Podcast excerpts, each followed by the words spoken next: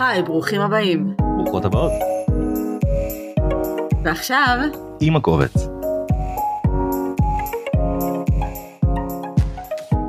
היי, ברוכים הבאים וברוכות הבאות לפודקאסט ועכשיו עם הקובץ. טל וסיוון מדברים על כתיבה, אני כתמיד טל. ואני, נו, אה, איך קוראים לי? אה, סיוון. והיום נדבר על לכתוב או לא לכתוב תוכן לחגים שמתקרבים עלינו. בהחלט, סיוון, נניח שמתקרב עכשיו איזשהו חג, נניח פסח בשביל הדוגמה. אז כמה שבועות לפני החג עצמו כבר אפשר להתחיל לראות בכל מיני מקומות תכנים של אנשים ושל עסקים שמתייחסים לחג הזה בכל מיני דרכים ישירות ועקיפות. אה, אמרנו פסח כדוגמה, אז אפשר לראות מודעות פרסומיות שמשחקות על אלמנטים שקשורים לחג, כמו עושים לכם סדר, כאזכרו לסדר פסח, או כל מיני ארבעה בנים וארבעה כוסות יין, או עשר מכות, או שמחה רבה, או מה נשתנה וכולי.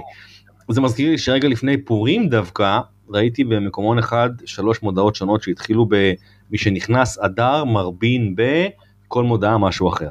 מי שנכנס אדר מרבין במשכנתאות, מי שנכנס אדר מרבין בנקניקיות, אני כבר לא זוכר מה עוד היה שם.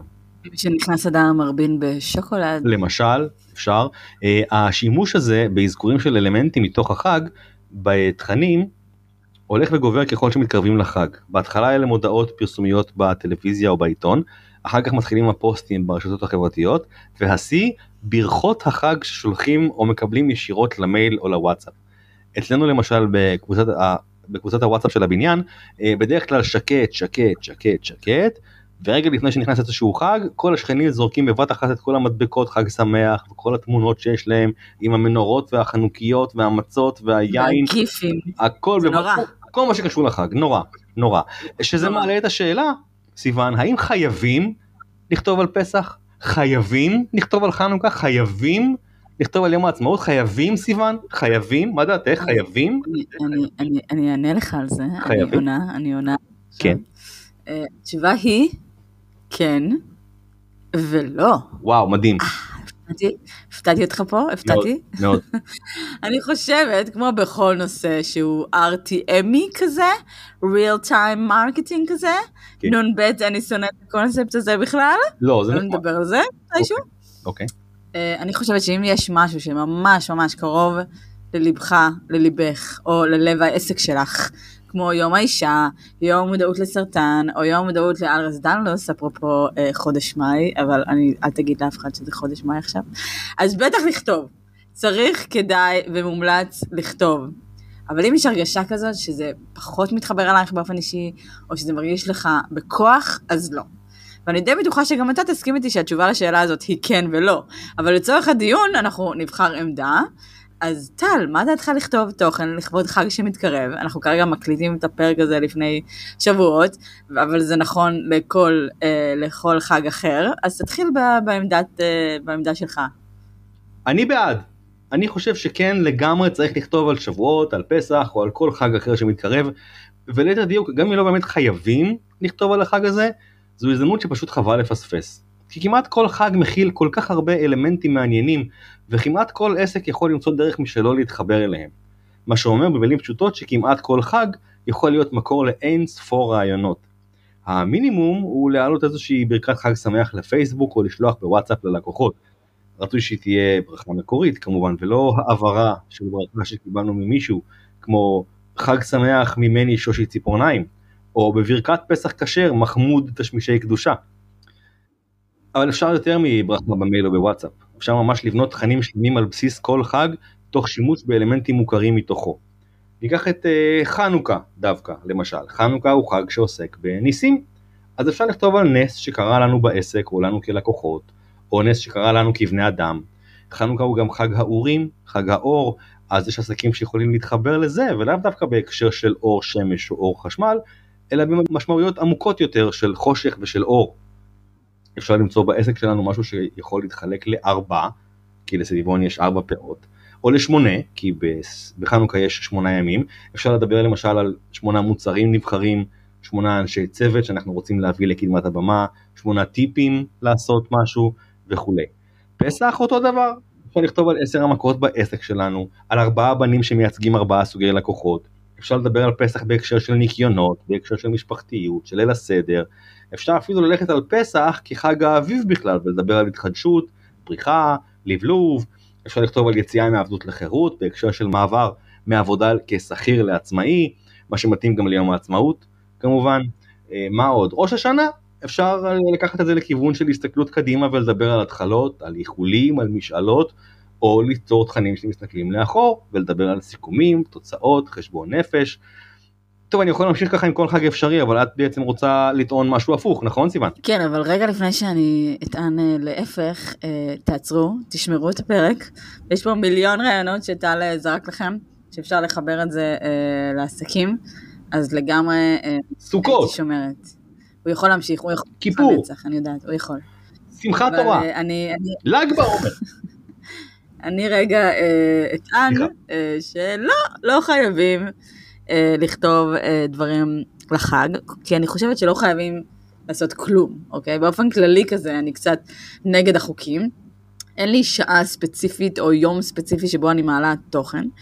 אה, פעם רויטל ויטלזון, אם אתם מכירים, הבחורה הסטנדאפיסטית, הבחורה באוטו שאומרת סתמו, סתמו, בטוח אה, אז uh, היא אמרה שהיא הייתה מחכה לשעה מסוימת, לדקה מסוימת, ממש עושה הכל לפי החוקים, לפי הספר, ויום אחד היא העלתה באותו רגע שבא לה פוסט והלכה לישון, וכשהיא קמה היא גילתה שהוא התפוצץ ונהיה ויראלי חבל על הזמן, ואז היא הבינה שאין לה שליטה על כלום באלגוריתם הזה ואין חוקים באמת.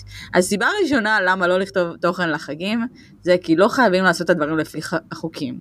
זה בסדר, חשוב להכיר את החוקים ולשמוע את כל האופציות שטל הציע לנו פה, ואז לבחור מתוך זה האם זה מתאים לעסק שלי או לא. ומכאן אני מיד מגיעה לסיבה השנייה.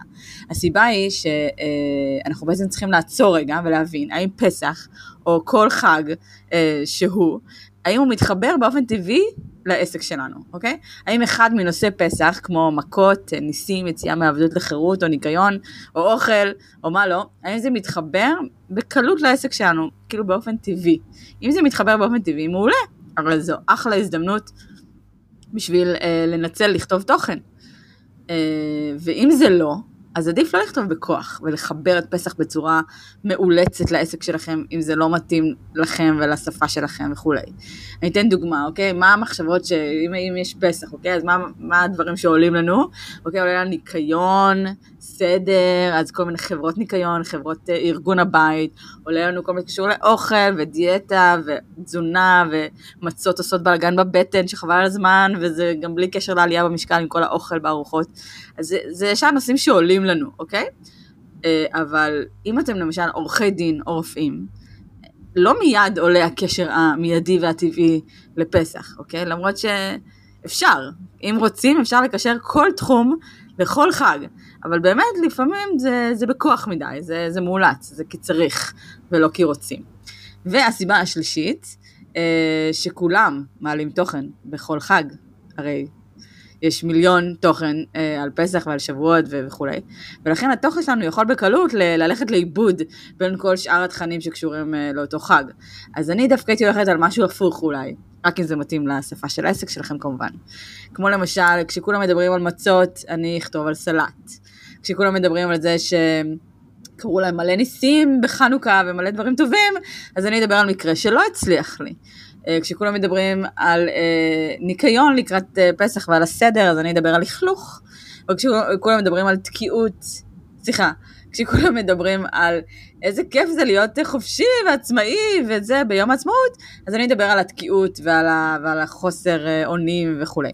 אני סתם זרקתי, אבל רציתי להסביר פה את הפואנטה. ולהבין שאחת האופציות שלנו היא לא לדבר על הדבר עצמו, אלא לדבר על הצד הנגדי.